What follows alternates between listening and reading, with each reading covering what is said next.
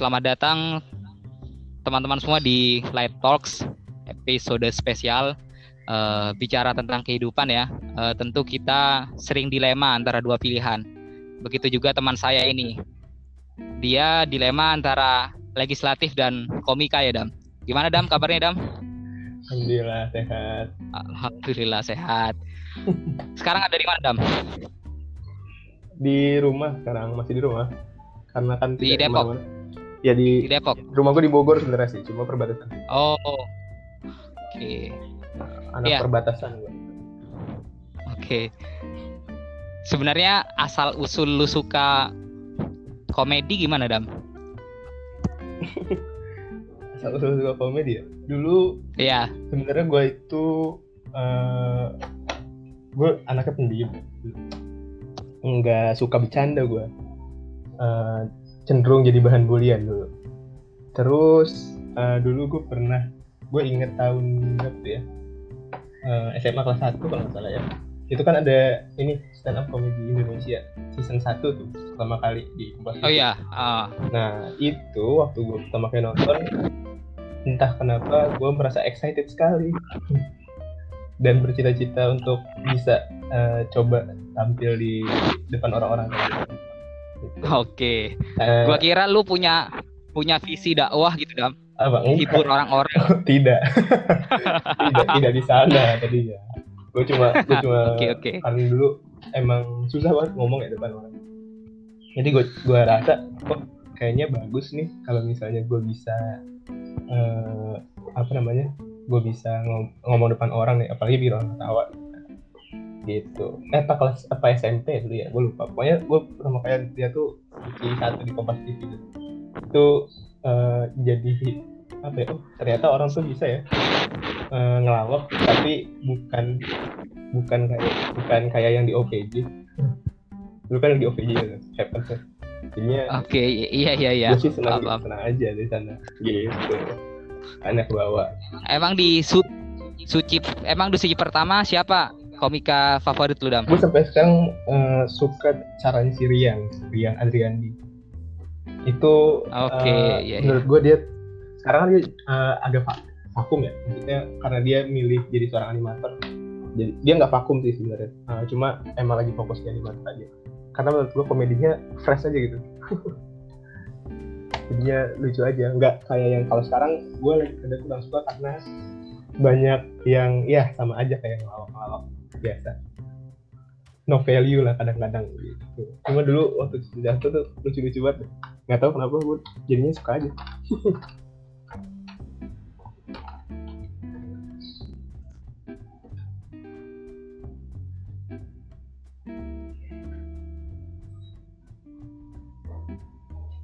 Gitu sih malah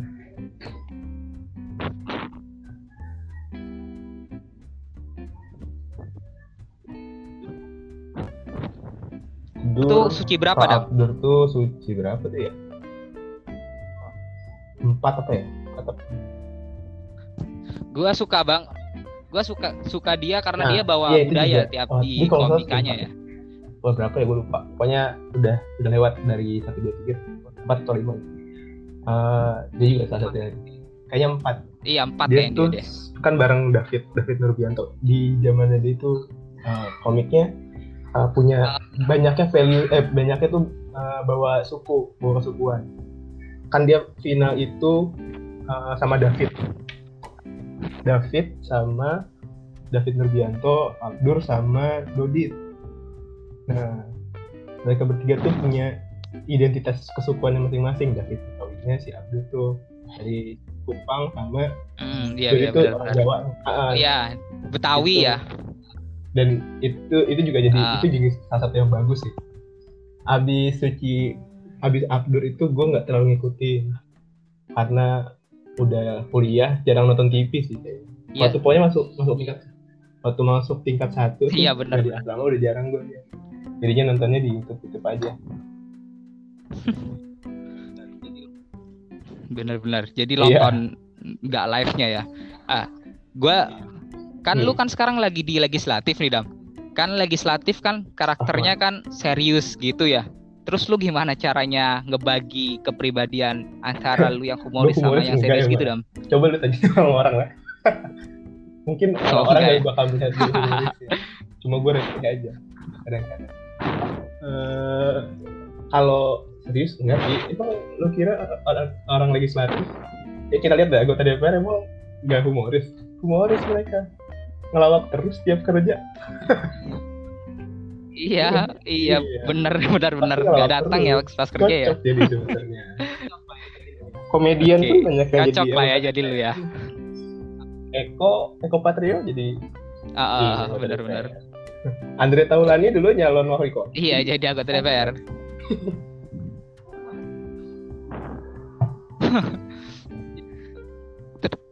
Ja- jadi menurut lu berarti antara eh, humoris dan enggaknya lu tuh ya itu Nggak nggak masalah buat jad- masuk ke legislatif. Toh banyak juga eh, komedian juga masuk ke legislatif. Intinya kita bisa menghibur orang ya Dam ya, lewat sebenarnya apa pun itu ya. dirinya aja sih. Jadi emang pembawaan. Kan kalau orang kalau orang kalau misalnya gue lihat ya orang komedian itu nggak selalu dia orangnya lucu gitu. Ada yang emang dasarnya emang lucu. Ya misalnya kalau di kayak eh, yang sekarang Ah, Uus iya iya. Uus tuh emang dia aw- emang dari kalau misalnya dia nongkrong pun dia lucu gitu. Pas dibawa ke panggung ya itu emang Uus gitu. Ada juga yang macam-macam kayak Iya, iya. Gilang Baskara. Gilang Baskara kalau di tongkrongan mungkin dia nggak lucu gitu. Tapi kalau di panggung dia jadi style Ah. komedian dia lucu. Karena Ah, iya iya. nggak semua karakter Jadi- orang yang Ah, pelawak benar-benar. tuh suka eh, emang dia lucu dari awalnya gitu Lu- makanya Iya iya paham. Jadi dia sebenarnya sebenarnya menurut gua orang pelawak juga cerdas sih dam. Jadi dia bisa memposisikan diri Hmm, di nah mana itu. dia itu berada yang paling ya. penting sih maksudnya di mana pun dia berada dia bisa nempatin diri gitu. kalau saatnya dia serius serius asal jangan di dia Ah. harus serius dia bercanda jangan dia bercandanya serius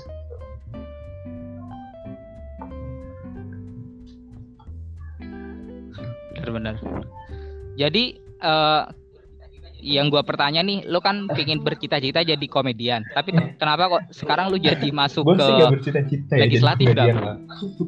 cuma cuma pengen bisa aja Oh enggak, oke. Eh, apa ya gue ngerasanya tuh dari dulu dari gue kecil kayaknya tuh gue nggak pernah punya bakat untuk sesuatu yang bisa ditampilin di depan orang gitu gue main musik musik gak bisa. Hmm, oke. acting gue oke. kalau drama kayaknya jelek-jelek aja. Gitu kan. Terus ya gitu. Makanya gue coba ah, apa ya yang bisa gue lakuin buat eh, kalau misalnya gue pengen menghibur orang kayak jadi gue pengen bisa aja. Cuma nggak jadi cita-cita gue harus jadi komiker enggak gue coba pengen bisa aja ya. Tuh ya cita-cita yang gue itu sih kemarin ya jadi anggota DPR itu.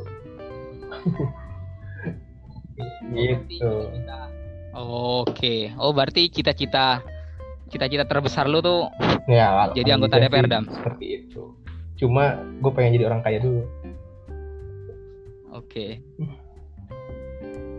Bener. soalnya biar gak nyari duit Kenapa tuh Dam? di DPR-nya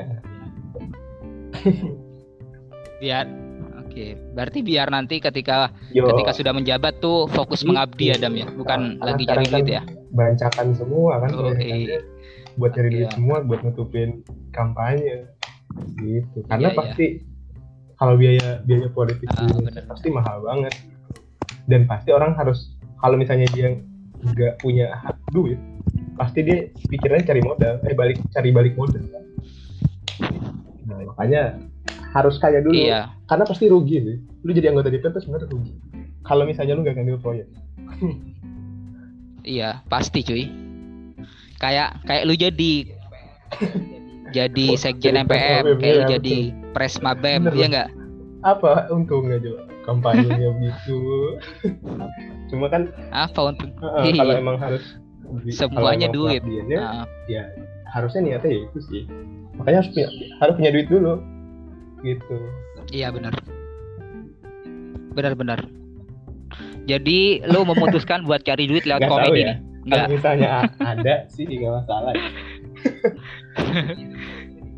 Iya, kalau rezeki Kalau misalnya re- re- rezekinya di, di situ ya Dam ya. Cuma kayaknya sih kayaknya nggak ada ke arah arah sana sih. Oke, siap. Oke oke. Ah, berarti kalau dari lu nih, berarti kan lu kan iya punya anggaplah punya bakat lah di uh, dunia komedian lah ya. Nah, terus lu pingin jadi DPRD. Terus sebenarnya apa sih planning lu jadi DPRD lu pingin apa dulu nih? Bisnis kah atau dunia profesional kah? Hmm, mungkin paling dekat ya kalau misalnya ini habis gue lulus tuh gue pengen kerja dulu sih. Entah uh, kayaknya gue pengen masuk ke dunia profesional dulu buat belajar industri. Okay. Buat belajar industrinya gitu. Karena gue pengen uh, punya kebun pertanian sendiri karena kan gue sekarang lagi risetnya okay. tentang hidroponik sama greenhouse nah gue pengen coba masuk ke dunia okay, profesional tuh di situ. Biar gue bisa belajar gimana industri pertanian hidroponik sama uh, greenhouse uh, pertanian lewat tanah gitu. Nanti mungkin dapat pengalaman lima tahun uh, eh, gue bisa coba rintis uh, usaha gue sendiri gitu. Pengennya sih gitu. Nanti nah dari sana itu pengennya jadi gitu ya. karena pertanian tidak akan mati ya. Jadi walaupun ada pandemi seperti ini pasti orang bakal butuh makan ya gitu makanya gue mencarinya sana. Uh. pasti ya, ini insya Allah jadi okay. apa ya jadi investasinya jangka panjang aja. Bisnis pertanian tuh. Walaupun emang pasti nanti modalnya cukup besar kah atau misalnya nanti butuh sesuatu yang wow untuk memulainya uh, tapi di sana mau ku cari duit dulu tuh tuh sampai kaya mungkin jadi bos uh, pertanian Indonesia kan jadi. Pertanian. Iya mantap ya. Jadi pemilik kayak sinar mas gitu ya sinar mas group tuh nanti Astra uh, jajar lah uh, perusahaannya sama itu jajar. mantap okay. pengen ya sih gitu ya kita nggak nah, tahu sih uh, uh. rencananya ya siapa tahu nanti di komedian ya tapi ya ya itu side job aja lah Iya, siapa tahu masuk suci lu dam, ikut aja dam, siapa tahu dam. Suci udah nggak jalan dia. Udah nggak jalan ya. kan suci delapan. Udah dan sekarang adanya suca. Nah di suca tuh eh, nggak uh, terlalu bagus iya sih, bener. kurang suka aja. Jadi kayak cara dangdut banyak komentarnya. uh, kalau nih, gue gue tanya lu nih, uh, pesan lu buat senior senior lu dam yang suka bercanda di yang di di di gedung rakyat sana dam gimana dam gimana gimana? Pesan lu buat senior senior lu yang suka bercanda kalau lagi kerja di gedung ya, rakyat sana. Bu kalau kerja yang bener itu. Karena uh, lu, lu ngomong tuh berpengaruh sama hidup gue juga jadi tuh berpengaruh juga sama isi perut orang-orang nanti. Lu ngomong enggak bisa jadi ada orang yang mati di situ. Jadi nah, yang kerja kerja yang bener lah. Tidur ya gue tahu. Sidang tuh membosankan. Ya gue merasakan sendiri. Tidur tuh pasti ngantuk tuh pasti ya. Cuma iya. cobalah uh, dibuat sebagus mungkin gitu. Udah jelek citranya jangan ditambahin jelek. Itu malu orang-orang yang mau jadi anggota DPR tuh malu. Iya, iya. kayak gue sebenernya gue malu dengan citra yang sekarang tapi karena uh, gue tahu kenapa harus di sana ya mau gak mau gitu berarti lu ingin mengubah citra dari anggota DPR itu sendiri uh, benar bukan mengubah citra sih ya kita eh coba contohin gimana tuh jadi yang harusnya gimana citra DPR pasti bakal tetap jelek. Oke. Okay. Oh, berarti lu citra DPR bakal tetap jelek. Okay. Cuma tapi lu pingin lu pingin oh iya, iya. jadi lu pingin jadi lilin yang menyala di tengah kegelapan berarti dam? Udah mundur sih orangnya. Uh, eh, gue sih karena gue cuma pengen memperbanyak orang-orang yang mungkin kalau yang uh, pernah gue tahu kayak Pak Sunman uh, yang mungkin nggak pernah menikmati hak tunjangannya selama jadi anggota DPR yang berangkat naik kereta dari dari rumahnya di Cilebut uh, naik kereta ke Senayan bahkan sampai nggak dikenalin sama satpam di DPR sendiri gitu padahal dia anggota DPR gue pengen memperbanyak orang kayak gitu sih yang uh, tujuannya tuh emang yeah, yeah. buat mengabdi dan buat kemaslahatan bukan buat nyari duit dan nyari cuan yeah, yeah. Oke. Oke, sekarang nih Dam, gua coba sedikit serius lah ya. Lu kan orangnya serius lah ya. Waduh. Suka seriusin cewek kan Dam? Waduh. enggak enggak enggak canda. Eh, jadi gini, jadi kan sekarang lagi beredar isu banyak nih Dam. Hmm. Salah satunya Omnibus Law nih. Nah, lu sebagai anggota legislatif setidaknya punya pandangan lah terkait Omnibus Law. gimana sih? Gue belum baca lu? belum baca semuanya sih. Kan omnibus law itu kan rang, Iya. apa beberapa ini ya beberapa rangkaian RUU dan eh beberapa rangkaian RUU kan. Jadi nggak cuma satu kan. gue belum baca semua sih. Kemarin Iya benar. Heeh. Nah, eh, sebenarnya di di omnibus law ini yang paling fundamental dan yang jadi tuntutan banyak eh, masyarakat ya aliansi sebenarnya di masalah aspek keterbukaan publik dam. Nah, menurut lu sebagai anggota legislatif di kampus sebenarnya sejauh mana penting sih keterbukaan Oh. publik itu? Coba eh, kita ini sih di bener- ini bener aja nih. eh, salah satunya kita perlu tahu eh kita kalau jadi eh, penyusunan peraturan kan di DPR sebenarnya udah cukup transparan. Ya kan bisa dicari. Coba nanti coba lu buka di DPR Iya, benar. di sana kan lu bisa buka tuh RUU-nya jadi kalau misalnya udah ada draft RUU-nya eh tapi ini Oke. internet positif gue buka DPR kok bisa ya? Oh nggak bisa, bisa Oh, iya. bisa bisa. Eh, dia punya pas di bagian legislasinya dia kan ada prolek Bisa bisa. Dia ada di prolegnas nah kemarin sih gue coba kan karena di Iya, paham. gue coba buka-buka tuh prolegnas. gue downloadin RUU-nya gitu tapi gue nggak eh, karena kan yang orang-orang tahu Oke. omnibus law kalau orang cari omnibus law di website DPR niscaya tidak akan ada gitu. pertama emang eh, perlu tahu dulu nih Iya, nggak bakal ada. di omnibus law tuh RUU apa aja yang masuk yang mungkin jadi nanti jadi permasalahan misalnya tentang yang penahan terus perizinan dan lain-lain ah, cipta kerja dan lain-lain nah itu tuh seingat gue tuh belum ada di kerja. sini nah itu yang jadi permasalahan ada beberapa RUU yang nggak ditaruh di website ini Oh. gitu karena kalau Oke, misalnya oke. lu klik di sini kan lu bisa dapat draft RUU-nya sehingga nanti kalau misalnya lu sebagai masyarakat bisa ngasih masukan gitu nanti bisa Iya, iya. Ah, nah itu nggak ada eh cipta kerja tuh gue gue gue Ah, tahu sih benar-benar. gue yang gak nemu apa emang nggak ada soalnya yang tahun 2020 kan itu 2020 kan cipta kerja tuh nah itu tuh gue nggak nemu loh sama sekali Iya. Iya, 2020. gue nggak nemu RUU cipta kerjanya di mana draftnya ya padahal kan udah masuk ke pembahasan nah di nah di sini tuh Iya. bagusnya juga sebenarnya kan udah ada nih. Eh, misalnya eh nih nih deh. Ada RUU tentang pengesahan persetujuan kemitraan ekonomi komprehensif Indonesia Australia. Ini eh, udah disahin nih. Nah dia tuh ada rekam jejaknya. Nah itu harusnya kan kita bisa telisik nih dari sini. Oh mulainya tanggal sekian yang ngebahas ini pengusulnya siapa siapa siapa. Nah kalau misalnya ini nggak masuk kita patut curiga.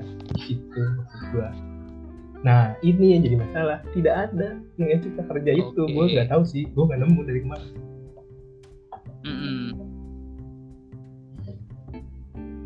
Oke. Nah, iya, gua gua juga selama ini ya, gua kan sama anak-anak BEM juga mengkaji ya. Nah, memang da- dari yang paling bermasalah sebenarnya fundamentalnya yaitu dan terkait keterbukaan kepada publik sih. Harusnya kan ya setidaknya kalau memang itu buat Hmm. kemaslahatan negara ya udah dibuka aja kan ya. Kan biarkan masyarakat mengoreksi, biarkan masyarakat melihat. Nah, masalahnya di sini nggak ada keterbukaan sama sekali dan eh, sampai-sampai eh, kelihatannya tuh sampai eh, mereka terburu-buru untuk gitu Bang. Kalau menurut lu gimana sih? Sebenarnya sepenting seberapa penting apa sih keterbukaan publik dalam aspek makanya legis- itu legislatif penting Bang? banget kenapa karena kita tahu jadinya arah gerak si DPR ke mana karena kan selain nah ini kan ada yang priori- ada yang prioritas juga seingat gua ada prioritas prioritas Mhm. juga. Nah, kita jadi tahu dia berpihak sama siapa gitu. Dan ini kalau Iya, misalnya benar, nggak benar. dibuka ya kita juga tahu dia jadi berpihak sama siapa. Kayak gitu. Heeh. Nah ini gue nggak tahu ya emang jelek apa gimana? Apa DPR yang malu ngupdate apa gimana? Gue nggak ngerti. Jadi eh, banyak yang kalau kita lihat ya eh, emang selain dia nggak berpihak dia juga jelek kerjanya. Mending banyak. Eh, tahun 2015 2019 itu yang selesai eh, disahin dari berapa ratus. Itu cuma sekitar dari 200 200-an 200-an RUU yang didaftarkan jadi prolegnas itu cuma selesai sekitar 30-an seingat gue ntar dulu. Gue cek dulu. Oke. Eh, jadi Dari berapa dan? di prolegnas tuh lima tahunan ya? dari 2015 tahunan sih sebenarnya. 2015 sampai 2019 itu Iya, iya. yang terdaftar ada 130 yang selesai itu eh 130 berarti. Total totalnya kalau misalnya ini yang udah didaftarin tuh ada sekitar 200 lah. Benar tadi gue bilang 200an yang selesai sampai disahin itu baru 8 eh cuma 18 nah itu kan Hmm. Iya, 18 dari sekitar 200. Emang eh, jadi ini emang Oh, ada yang cuman bakal 18. selesai di tahun di tahun 2015 sampai 2019. Cuma 100. kalau kalau kita lihat coba kalau kalau kita lihat 5 tahun dia cuma bahas sampai 18 doang. Padahal dia punya 575 Iya, iya. anggota Ah. DPR. Yang yang harusnya itu bisa ya Iya, kalau iya, kita bagi aja misalnya nih 130 eh 200 bagi ke 575 aja baru masih lebih tuh masih tiga orang. Nah tiga orang masih Iya, masih iya, punya staf khusus dan staf khusus punya staf ahli yang bisa dikerjain gitu maksudnya. Kalau misalnya kita pakai cara pakai cara anak kuliahan gitu ya. Oh ada 200 tugas Benar-benar. kita bagi ke 20 orang. Oh satu orang Iya, iya, benar. coba kayak gitu kan nanti bisa ya selesai gitu kira-kira. Nah Iya. itu baru selesai 18 dari sekitar 200 yang udah terdaftar. Uh, yang sama sekali belum disusun Ah, itu benar. ada 130 sisanya itu masuk ke tahap-tahapan lainnya. Baru penyusunan ada yang harmonisasi sampai baru pengambilan keputusan tapi belum disahin. Jadi kalau uh, selesai itu kan udah disahin ya, udah udah diundangkan gitu. Nah yang baru diundangkan itu udah selesai ditetap- ditetapkan Oke. diundangkan tuh baru 18 yang tahun iya, 2012 sampai 2019 dan itu s- kebanyakan yang kurang-kurang fundamental. Bukan kurang fundamental sih ah, kayak apa ya kayak pengesahan persetujuan kerjasama kebanyakan. Terus Oke. eh, kemarin yang 2019 itu yang kontroversial yang IPU TE Ah, iya, iya. itu kan ada perubahan di tahun 2016 terus yang peraturan gubernur sa- sa- yang bikin eh, Anies Baswedan itu wakil gubernurnya itu di voting lagi di DPRD nah itu eh, UU-nya desain tahun 2015 tuh itu jadi udah udah mah nggak berpihak sama rakyat nggak produktif juga jadi nggak ada yang bisa dibanggain Oke. Ya, harusnya ya setidaknya dia bisa nggak produktif juga ya. Sub- Mm-mm.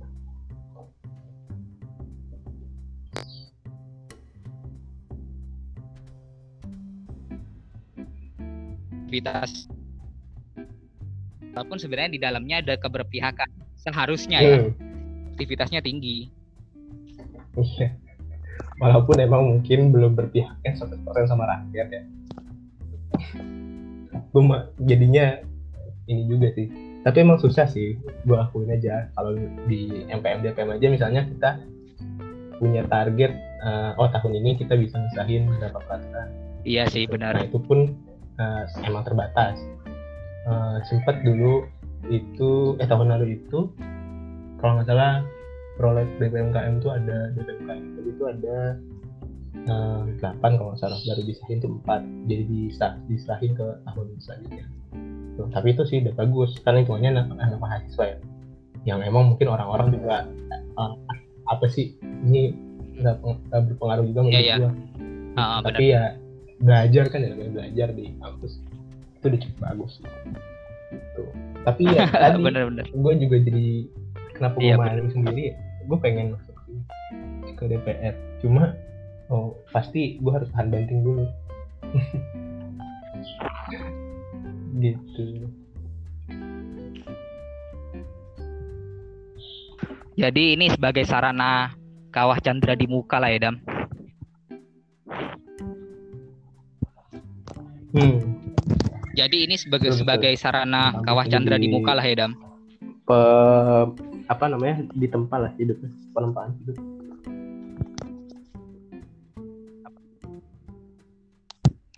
Oke. Nah ini dam uh, last statement dam uh, penutup. Gua pengen tahu sih pandangan lu kan hmm. sebenarnya kalau kita di EP, di SMA di SMP kita diajari ppkn ya. Ya. Bahwa sebenarnya kedaul kedaulatan tertinggi ada di tangan rakyat ya dam. Nah sebenarnya amanat terkait tersebut udah kayaknya gak di gak dihiraukan lagi dam. Nah gue pingin uh, last statement dari lu uh, pesan buat uh, senior senior kita di sana bapak-bapak kita yang sedang menjabat, bapak presiden, bapak wakil presiden, dan semua jajarannya uh, terkait dengan bahwa sebenarnya ya kalau kita mau Pancasila, ideologi kita ya ayo kita bareng-bareng buat sama-sama mengindahkan apa yang ada di Pancasila gitu.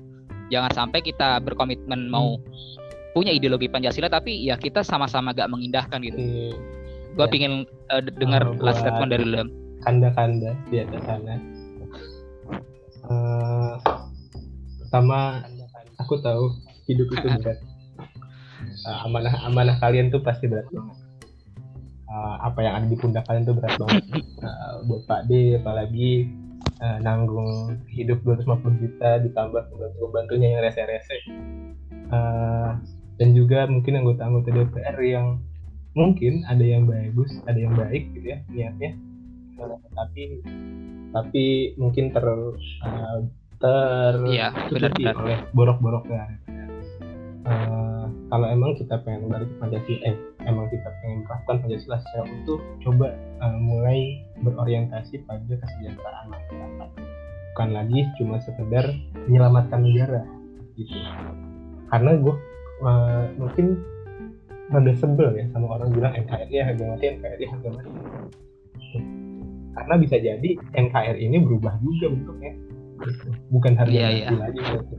Pancasila pun kalau misalnya kita nggak setuju ubah aja sekarang bener, tuh bener. Pancasila udah nggak ber eh, kayak itu udah kayak usang mungkin ya iya. belum bisa diterapkan karena uh, di satu sisi itu adalah uh, mau demokrasi tapi di yeah. sisi lain dia berbentuk sosialis juga gitu kan uh, aku pernah dengar salah satu uh, pernah salah satu statement bukan yeah. statement ya tanggapan dari orang Jepang jadi ada mahasiswa Indonesia yang kuliah di Jepang ditanyain sama profesornya yaitu uh, ideologi negara kamu apa sih? Gitu ya. Karena kan kalau Jepang dia liberal ya demokrasi pokoknya bebas. Orang orang mau ngapain terserah. Yang penting uh, tapi gue nggak yeah. ngapa-ngapain uh. tapi lu harus bayar pajak gitu ya. Uh, intinya negara cuma negara cuma butuh itu aja lu terserah mau ngapain. Nah ditanya yang kayak gitu. Disebutin Pancasila. Uh, dia gua saya punya uh, di negara kan punya lima dasar gitu ya. pertama sebutin Maha Esa dua keadilan sosial eh, uh, manusia yang ada yang beradab Indonesia dan lain-lain gitu ya. sampai uh, ditanggapin gitu ya. Wah uh, gimana caranya bisa menyatukan ideologi sosialis dan demokrasi di dalam satu uh, dasar gitu ya. Jadi dia bingung sendiri emang bisa ya? Orang negara dari satu di satu keadaan dia demo, demokratis sekaligus uh, sosialis di dalam satu uh, keadaan gitu. Dan itu emang unik gitu. Pancasila itu emang unik. Tapi perlu effort banget.